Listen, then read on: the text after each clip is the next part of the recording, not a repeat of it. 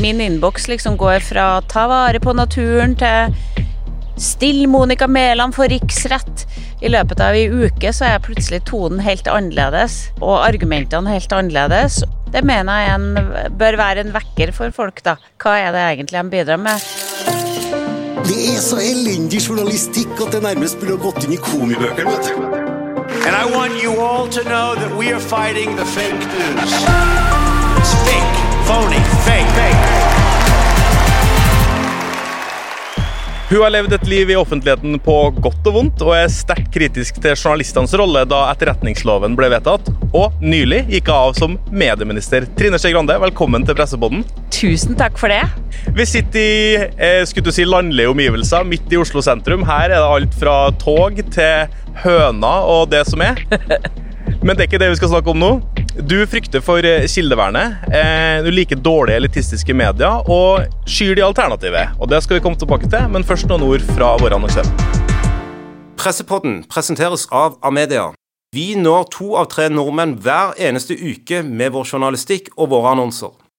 Har du lyst til å lede det redaksjonelle arbeidet i landets største lokalradio utenfor Oslo? Nå søker Nea Radio ansvarlig redaktør. Les mer om stillingen på Medier24 jobb. Sikre deg tilgang på det beste innholdet fra mediebransjen. Bli plusskunde i Medie24. Nå er det én krone for én måned uten binding. Vi ses på medier24.no.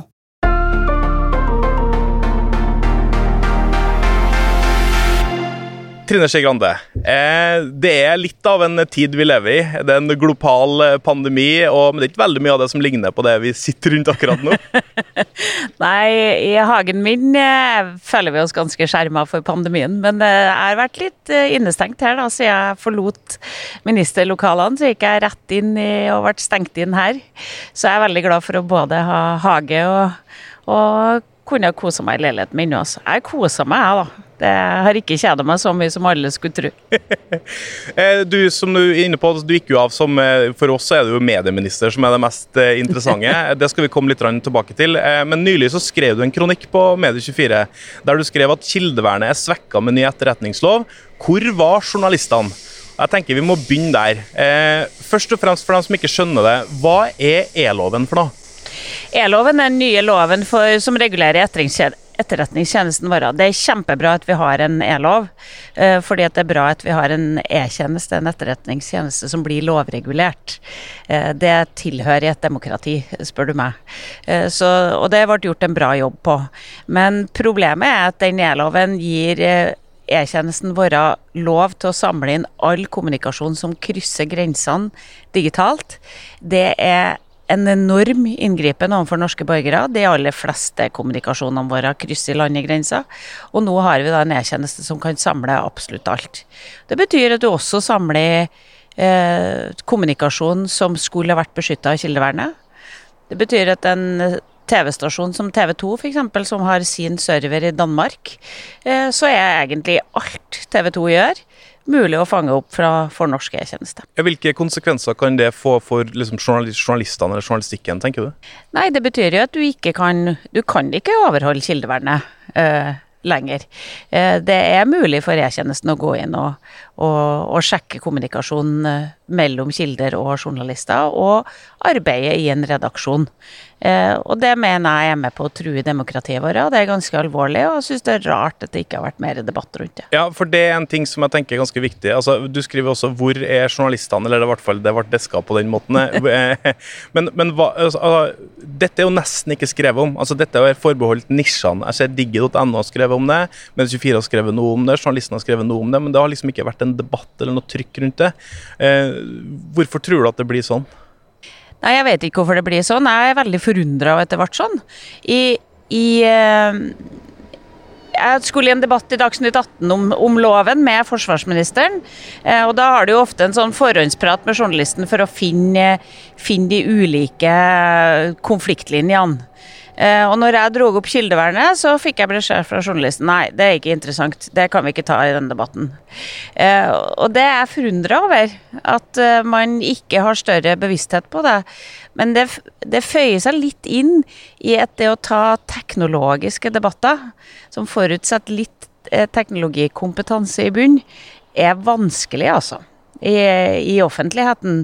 Og eh, Både det med fake news, kildevern eh, og, og, andre staters påvirkning av eh, mediebildet vårt. Og vi har jo jo avsløringer bare fra de siste ukene om, om at plasserte informasjon kommer helt inn i de store redaksjonene i Norge, som skulle være immune mot den type, type saker, men likevel så havner de på trykk. altså. Men vi som journalister eh, og de som hører på dette, redaktørene, hva er det vi kan gjøre? Altså, hva, er, hva bør vi gjøre nå? Altså, loven er vel vedtatt på, i Stortinget? Ja, jeg tror jo det må en større bevissthet til på kommunikasjon. Altså, eh, det som egentlig burde ha skjedd i redaksjonene, er jo en stor omlegging. TV 2 bør flytte serveren sin fra Danmark og, og, og bør gjøre om rutinene og sikkerheten knytta til, til, kilder og, og, datasystemet på det. Så det er, det er ganske det er ganske rart at man ikke har beregna hvor dyrt dette blir for mediene, å lage nye rutiner som gjør da et sånn type kommunikasjon ikke går over grensene. Men, bare, bare en kilde f.eks. bruker en Gmail-konto ved å tipse et medium, så har jo den vært utafor landegrensa. Eh, vi har et skipssted som er plassert også teknologisk sett i, i Sverige. Altså Du har eh, Aller, som er eh, orientert andre steder enn i Norge. Altså du, eh, Vi ser jo et Nent som er stor i Storbritannia. Altså, eh, mediebransjen er jo ikke lenger bare norsk. Altså Den er over hele grensene. Så du mener da i klartekst kanskje da at kildevernet er kompromittert? da? Ja, det er det. fordi vi har da en e-tjeneste som kan gå inn uh, og sjekke det. Det er en norsk myndighet. Eh, det e-tjenesten er regjeringens e-tjeneste og, og, og, Stortingets e-tjeneste. Eh, så, så, dette ja, det betyr at du har tilgang på den type info, samme hvordan du vrir og vender på det.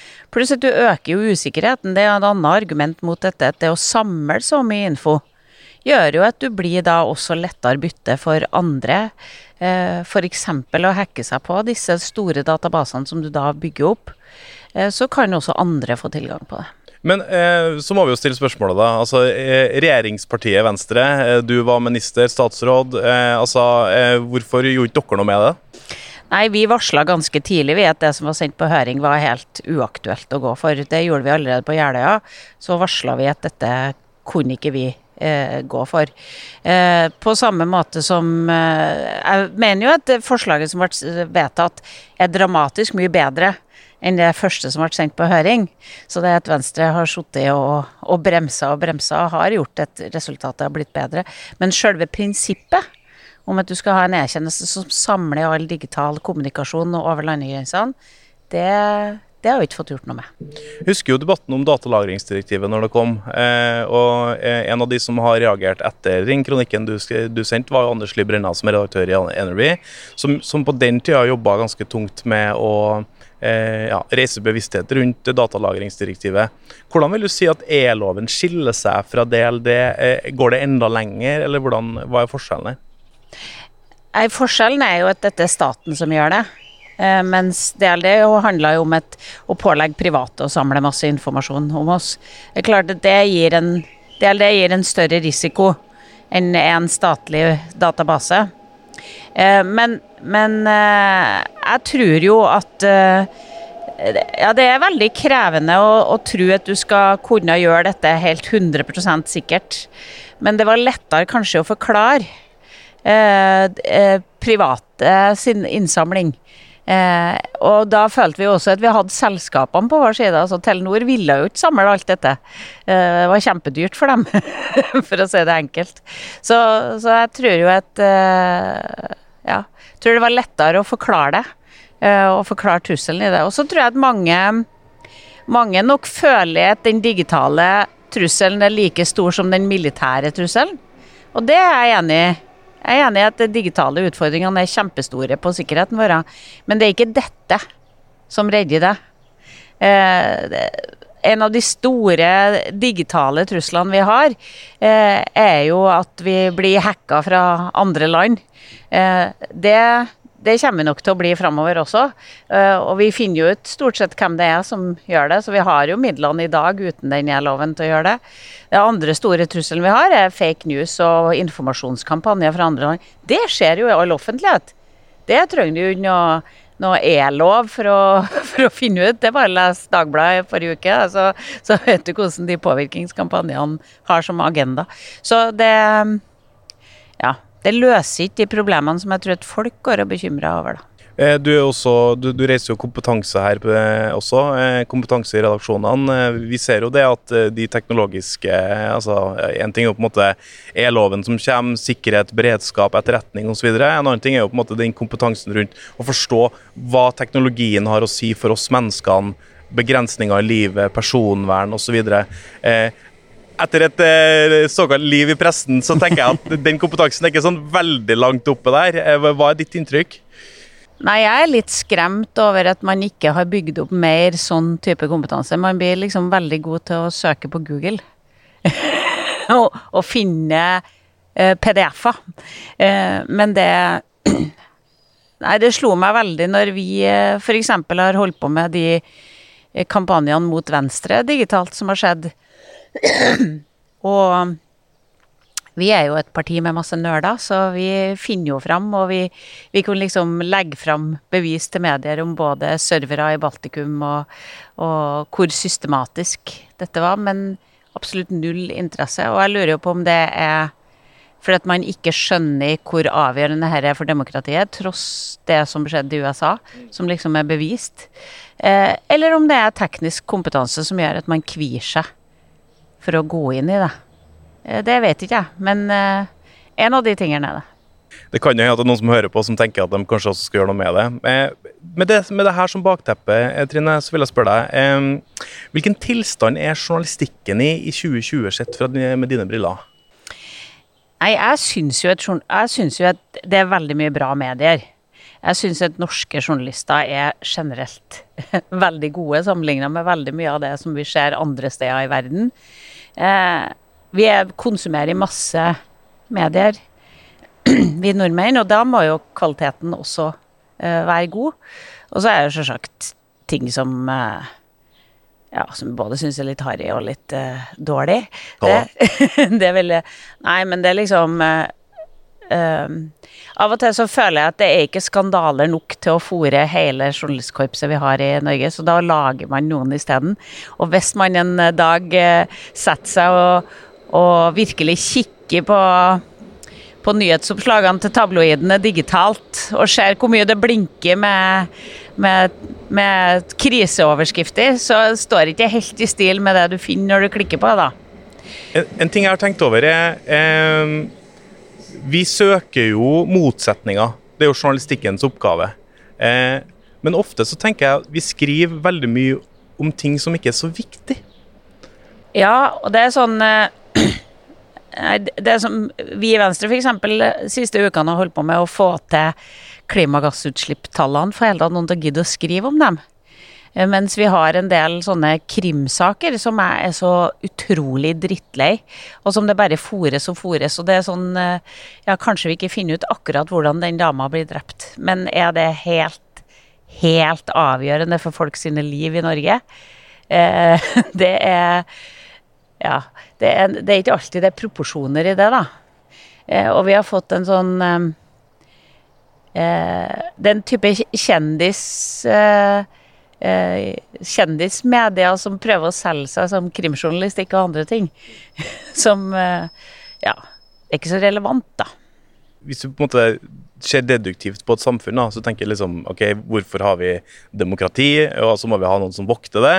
Eh, og så kommer på en måte alt det kjendiseriet og sånn på en måte på utsida. Det er nice to have. Mm. Eh, mens dekninga av den politiske journalistikken, det er need to have. Ja. Eh, eh, men har det sklidd over i hverandre, tenker du, du som blir intervjua ja, daglig?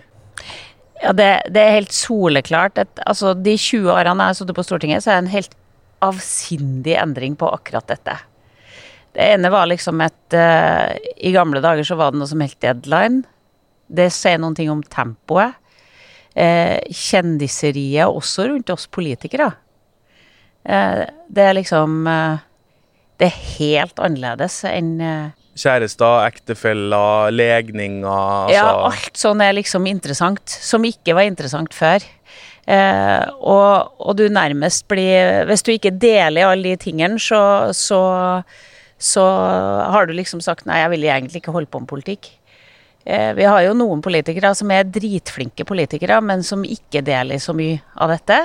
Eh, og dermed så er de liksom ute av alle diskusjoner om uh, framtidige posisjoner og sånn, fordi at de liksom De er bare generelt gode politikere. og vi har, vi har f.eks. en utenriksminister i Norge som er en fantastisk god utenriksminister, men hun bruker ikke å dele så mye, og da, da blir det stillere rundt den. Mm. Også, også i i andre debatter. Så, og det syns jeg er kjipt, for det betyr at du får ikke du får ikke nødvendigvis de beste politikerne, da. Eh, og, og, at du ja, at det blir mye show og mye underholdning eh, knytta til det. Men hva er, hva er budskapet til, til, Gard Steiro, Alexandra Bæverfjord, Tor Eimund Eriksen? Altså alle de som sitter og hører på dette og som tenker eh, Nei, Vi skal nå ha de klikkene, vi skal nå ha de salgene, vi skal nå ha alt det som på en måte er ja, og, og, og jeg syns det er helt greit at de skriver det, og det jeg blir fortvila, er når de da ikke orker å, å grave. Eh, når, når du ser eh, kampanjen, når det ikke du får stoppa de fake news-tingene, eller når, når, du er mer opptatt av å skrive om en forsvinningssak utafor Oslo enn eh, en klima. Eh, så da blir jeg frustrert, i hvert fall. Jeg tror det var ca. halvparten av alle forsidene i tabloidene hittil i år er Hagen-saken. Ja. Og spørsmålet er hvor relevant er den egentlig for våre liv? Eh, den er relevant fordi vi har politi som bruker masse ressurser på én sak, mens vi vet at mange, mange, mange, mennesker forsvinner uten å ha rike menn eh, som de er gift med. Eh, og ja Det sier, sier, kanskje noe om eh, ressursbruken i samfunnet, men det sier sannelig noe om ressursbruken i medier òg.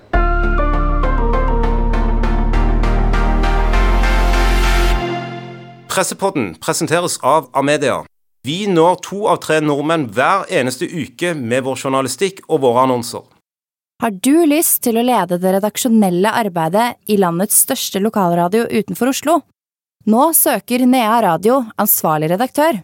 Les mer om stillingen på Medier24jobb. Sikre deg tilgang på det beste innholdet fra mediebransjen. Bli plusskunde i Medier24. Nå er det én krone for én måned uten binding.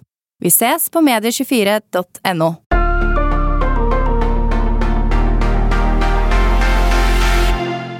som medieminister så opplevde jeg at du var opptatt av lokalpressen og de hvite flekkene som du uttalte som. Hva var det, og er du bekymra for lokalavisene? Jeg er bekymra for lokalavisene, for jeg mener at de er selve basisen i, i demokratiet vårt. Eh, og hvis du I dag så er det jo veldig mange demokrati som sliter. Og de har ett kjennetegn, det er at de nesten ikke har lokalaviser. USA f.eks. finnes det nesten ikke lokalaviser lenger. Um, Russland ingen lokalaviser. Uh, det at lokalavisene forsvinner, betyr at hele det grunnplanet av politikere aldri blir stilt negative spørsmål. Uh, aldri blir sett i kortene. Og det betyr at tilliten til ordføreren og og kommunestyremedlemmene og den der utbyggingssaken som irriterer deg, og som ingen stiller de spørsmålene. Hvis ingen stiller de kritiske spørsmålene lokalt, så mister du til slutt tilliten til politikere. Eh, og da vil det også slå inn i nasjonale politikken.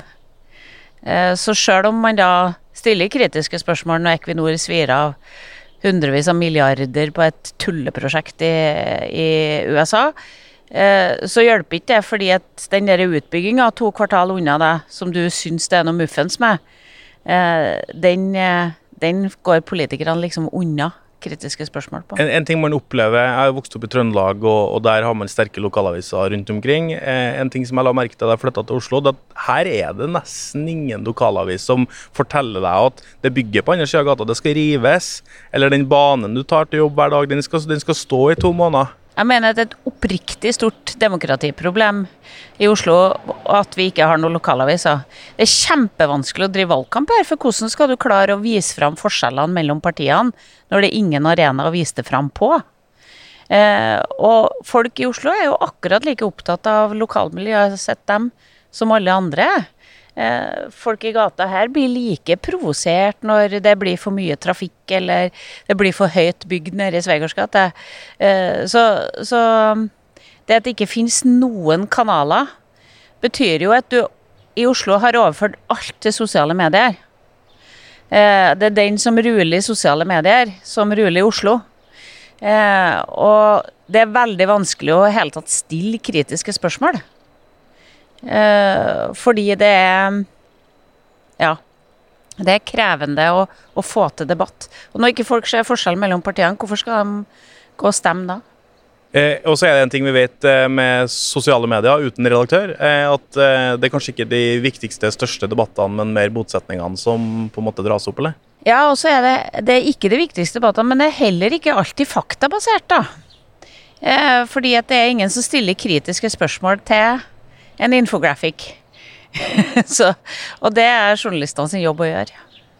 Hva kan man gjøre strukturelt på, på, et politisk plan for å ivareta den type ting, tenker du? Nei, Det å lage bedre støtteordninger for lokalaviser. Det var det vi prøvde å gjøre med, med mediemeldinga.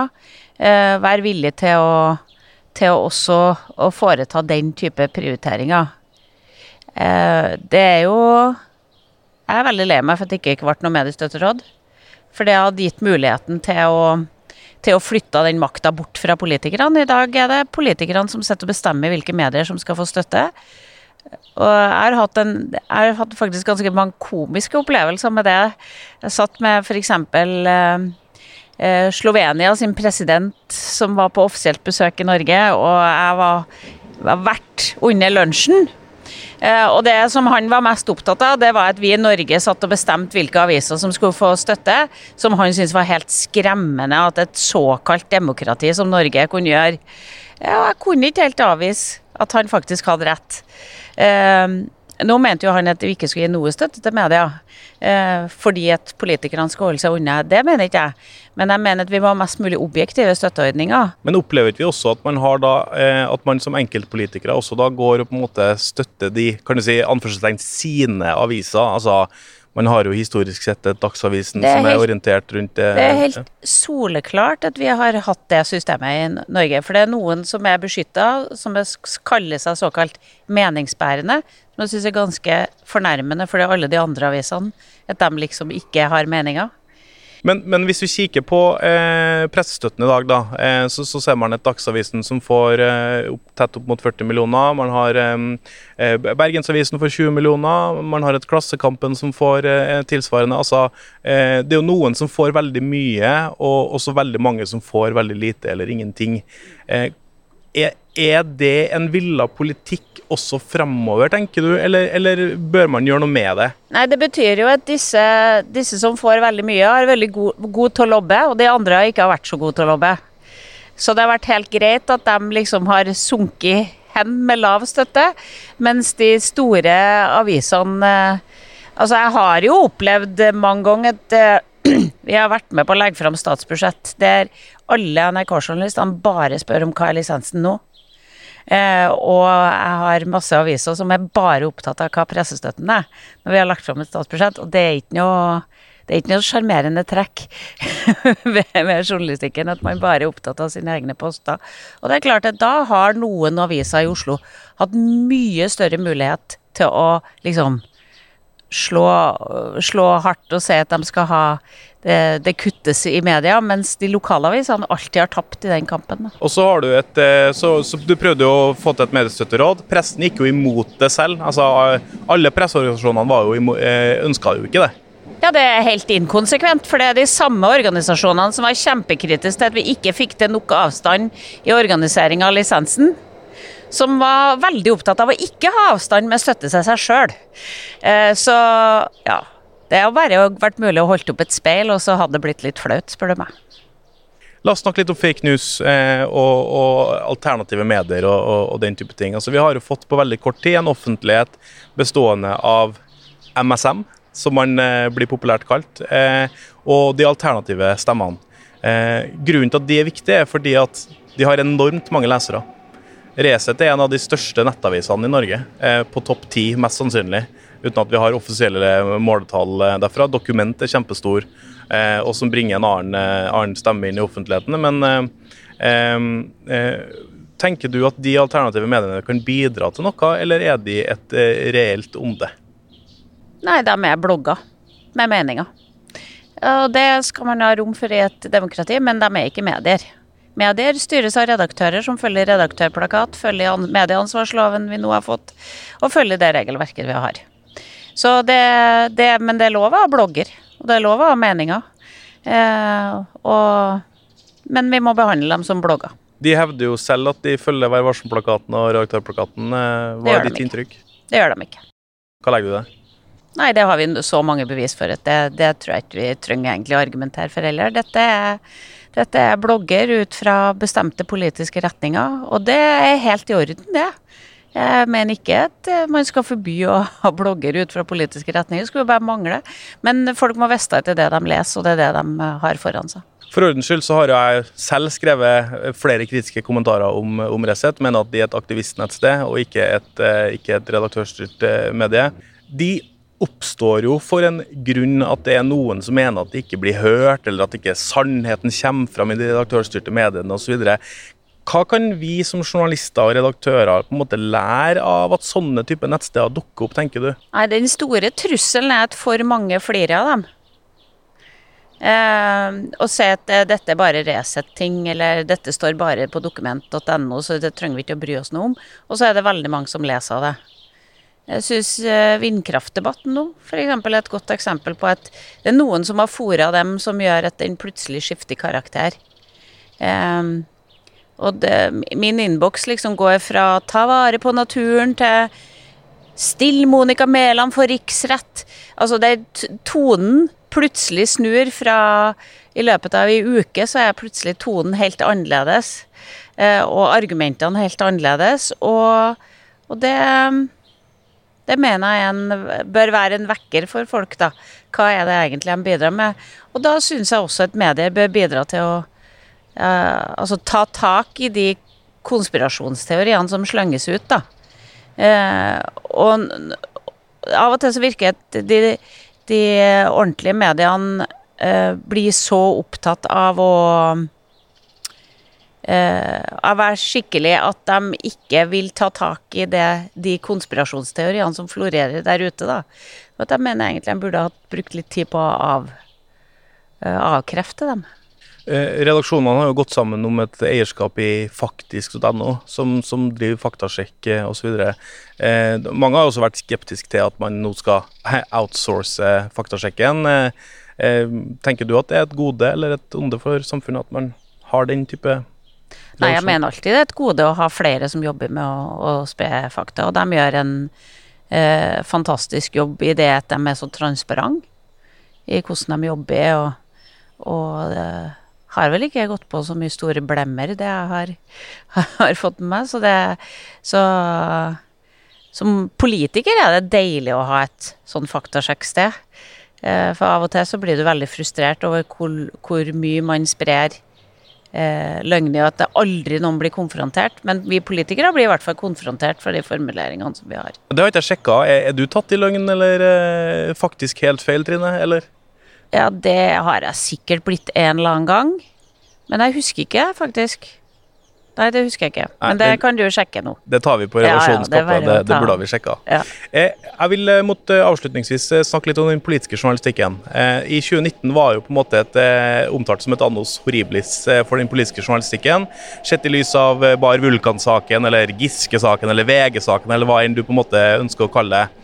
Eh, og Her har det vært mange elementer av en debatt, men en av de elementene er jo liksom tette bånd mellom journalister og politikere. Det andre er på en måte er vi, eh, Har vi en politisk journalistikk som, som, eh, som holder mål i, i liksom inn, inn mot framtida? Hvordan vil du karakterisere nivået på den politiske journalistikken i Norge? Nei, jeg mener jo at vi er mye bedre stilt enn veldig mange andre land. Eh, det er mulig at noen syns liksom eh, Ja, det det er jo mulig at jeg av og til også er for tette bånd mellom politikere og journalister. Eh, Sjøl om jeg ikke tror at det Det blir liksom avslørt når det, når det skjer, tror jeg.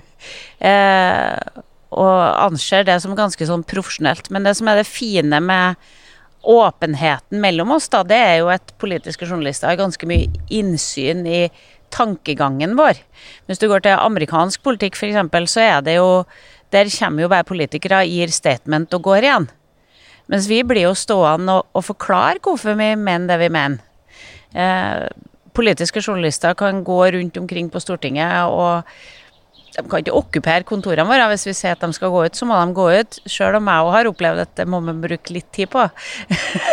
men, men, eh, og vi skiller mellom kommentatorer og journalister. Så kommentatorer har mye innsikt i hvordan vi tenker, og hva er tankegangen bak. Eh, den åpenheten er, er ganske mye verdt for å gi innsikt. Det som vel skremmer meg litt, er at man Det er det som i, VG periode i hvert fall var tallet to. Altså, hvis to har bekrefta det, så er det sant. Eh, uten at man spør hvilken agenda de to har når de bekrefter det. Eh, eller, eh, eller, at man, eh, man, godtar at man eh, siterer noe helt annet på bakgrunn enn det man siterer i siteringa. Eh, som jeg syns er rart. For hvis du har som formål at du skal opplyse, eh, og du har en person foran deg som gir noe informasjon på bakgrunn, som tydeligvis har én agenda, men krever å bli sitert på en annen ut fra en helt annen agenda, er det god journalistikk? Er det greit å godta? Det har forundra meg liksom eh, de siste årene, at dette tallet to eh, handler om sannhet. Men hvor ofte opplever man det? ofte. Jeg har i hvert fall opplevd det ofte de siste to årene av livet mitt. Eh, at, eh, at, at, det skjer. Og det har jeg ikke som kilde fra journalister, men det er som kilde fra, fra folk som har stått nært når det skjedde. Eh, og, og at man blir så glad for å få det oppslaget at man ikke spør hvorfor Uh, har jeg fått denne informasjonen og disse påstandene. Det står jo i Varselplakaten at vi skal være kritiske til kildevalget også. Tenker du at vi har en vei å gå her? Ja, Det er fascinerende hvor mye kilder som brukes som er bare hemmelige, da. Eh, og det, eh, det er jo en Jeg har i hvert fall opplevd det som en veldig utstrakt bruk av hemmelige kilder. Jeg har ikke lyst til å slippe helt det som går på tette bånd. Eh, man lever jo på Stortinget, eh, og, man går jo i de samme gangene, spiser i den samme kantina. Jeg har også hørt eksempler på noen journalister som har trent nede i treningsrommet til politikerne. Kanskje, kanskje ikke veldig akseptabelt, med det er så. Eh, opp, tenker du noen ganger at det, får, at det får noen konsekvenser for det håndverket man leverer, eller ikke? eller eller er det ikke noe problem i den norske offentligheten? Nei, nå, nå, må jeg jo vurdere dette ut fra meg. For jeg vet jo ikke hvilken relasjon andre eh, andre journalister har, og andre politikere har. Eh, så, så, det jeg har, jeg har, en del kommentatorer som jeg drikker kaffe med, og, og som også av og til er på besøk til meg, men da er det liksom ikke for at vi skal pludre om dette og hint, men da er det fordi at jeg skal se litt om hvordan det er i Venstre akkurat nå. Um, jeg har jo ingen journalister jeg omgås. Eh, jeg ber aldri noen journalister om å bli venn med meg på Facebook, men hvis de journalister spør om å bli venn med meg, så bruker jeg å akseptere. For da betyr det at de er interessert i det jeg legger ut, og det er en fair ting. Um, så det er Nei, jeg tror nok ikke det er noen journalister som jeg anser som liksom en omgangskrets. Men jeg har selvsagt journalister som jeg har uh, mer positive og mer negativt bilde av. Det er det alltid. Uh, og når du velger å gi saker, så velger du jo ofte å gi dem som du, du vet er ok. Og som behandler Det betyr ikke at de aldri har skrevet noe negativt om deg, eller et eller annet sånt. Det lager man ikke noe liste på. Men uh, jeg syns det er viktig å ha det skillet, da. En ting av den debatten som florerte i fjor, var jo at man Det ble sagt at jo tettere du er på en person, jo vanskeligere er det å være kritisk til dem også. Noen av motargumentene der er at ja, men vi går på Stortinget og vi ses hele tida, og jobben min er å være kritisk. Eh, men, men, hva er ditt inntrykk her? jeg, jeg føler at dette har man ganske sånn profesjonelt for. Hvis man, hvis man er liksom real og ikke lyver til hverandre, eh, så blir man behandla eh, eh, OK. Men jeg, jeg tror eh, Astrid Nøkleby Heiberg sa en gang at det å kritisere journalister er det samme som å stikke huet inn i kjeften på en løve og si at du har dårlig ånde. Eh, så, så det, jeg tror det, tror det er få politikere som liksom tenker at nå skal jeg lage liksom hatlister av dem jeg liker og dem jeg ikke liker. Det kommer du ikke så langt med. Du er jo ferdig som medieminister. Eh, snart er du også ferdig som partileder i Venstre, eh, og skal sikkert gjøre masse spennende ting. Det kan andre spørre deg om, det er ikke vi så interessert i. Men det, vi, det jeg er interessert i, er jo på en måte eh, Du har jo levd et liv i offentligheten, eh, på godt og vondt, som vi også sa innledningsvis. Eh, hva kan vi som journalister kort og slutt ta med oss? Liksom, hva kan vi bli bedre på, sånn sett fra, fra en partileders, eller avtroppende partileders ståsted? Nei, jeg, mitt viktigste beskjed er å, å hele tida ha fokus på hva som er relevant for folk. Um, og det Og hva er det liksom Hva er det som Hvilke stemmer er det som ikke blir hørt i samfunnet? Det å være stemme for dem som ingen stemme har, uh, tror jeg er viktig. fordi hvis, hvis media ikke blir det, ja, da gir det grobunn for disse bloggene. Em, så, så media sin oppgave må være å, å, å tale saken til dem som ikke eh, har makta og ikke har muligheten til å stå fram. Og det syns jeg ikke alltid at man er så god til. Mer i høyde med folk? Ja, og mer i det som eh, er hverdagen til folk, da.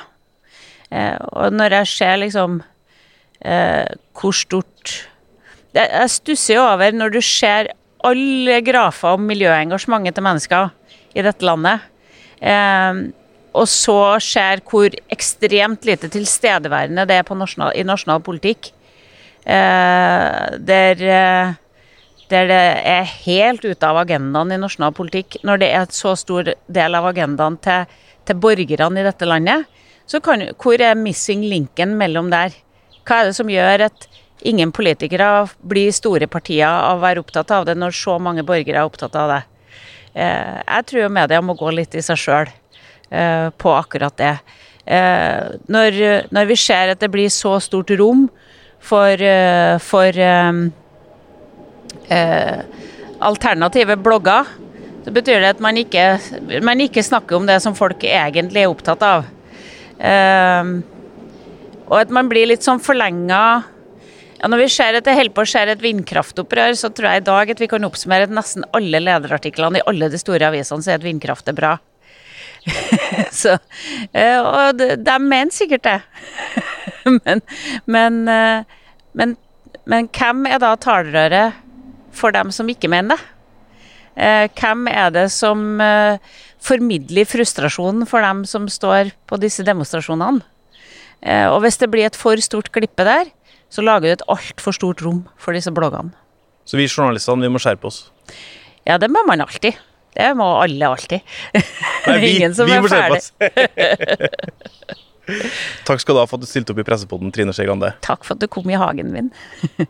Reaksjonen består av Even Hye T. Barka, Ingvild Fyllingen, Erik Votland og Jan Magnus Weiberg Ørdal. Teknisk ansvarlig Sebastian Manrikes. Vi høres plutselig.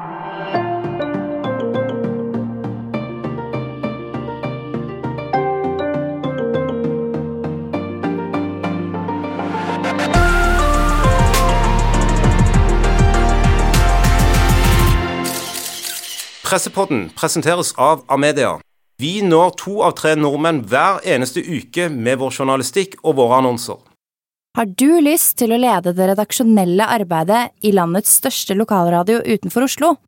Nå søker Nea Radio ansvarlig redaktør. Les mer om stillingen på Medier24jobb. Sikre deg tilgang på det beste innholdet fra mediebransjen. Bli plusskunde i Medier24. Nå er det én krone for én måned uten binding. Vi ses på medier24.no.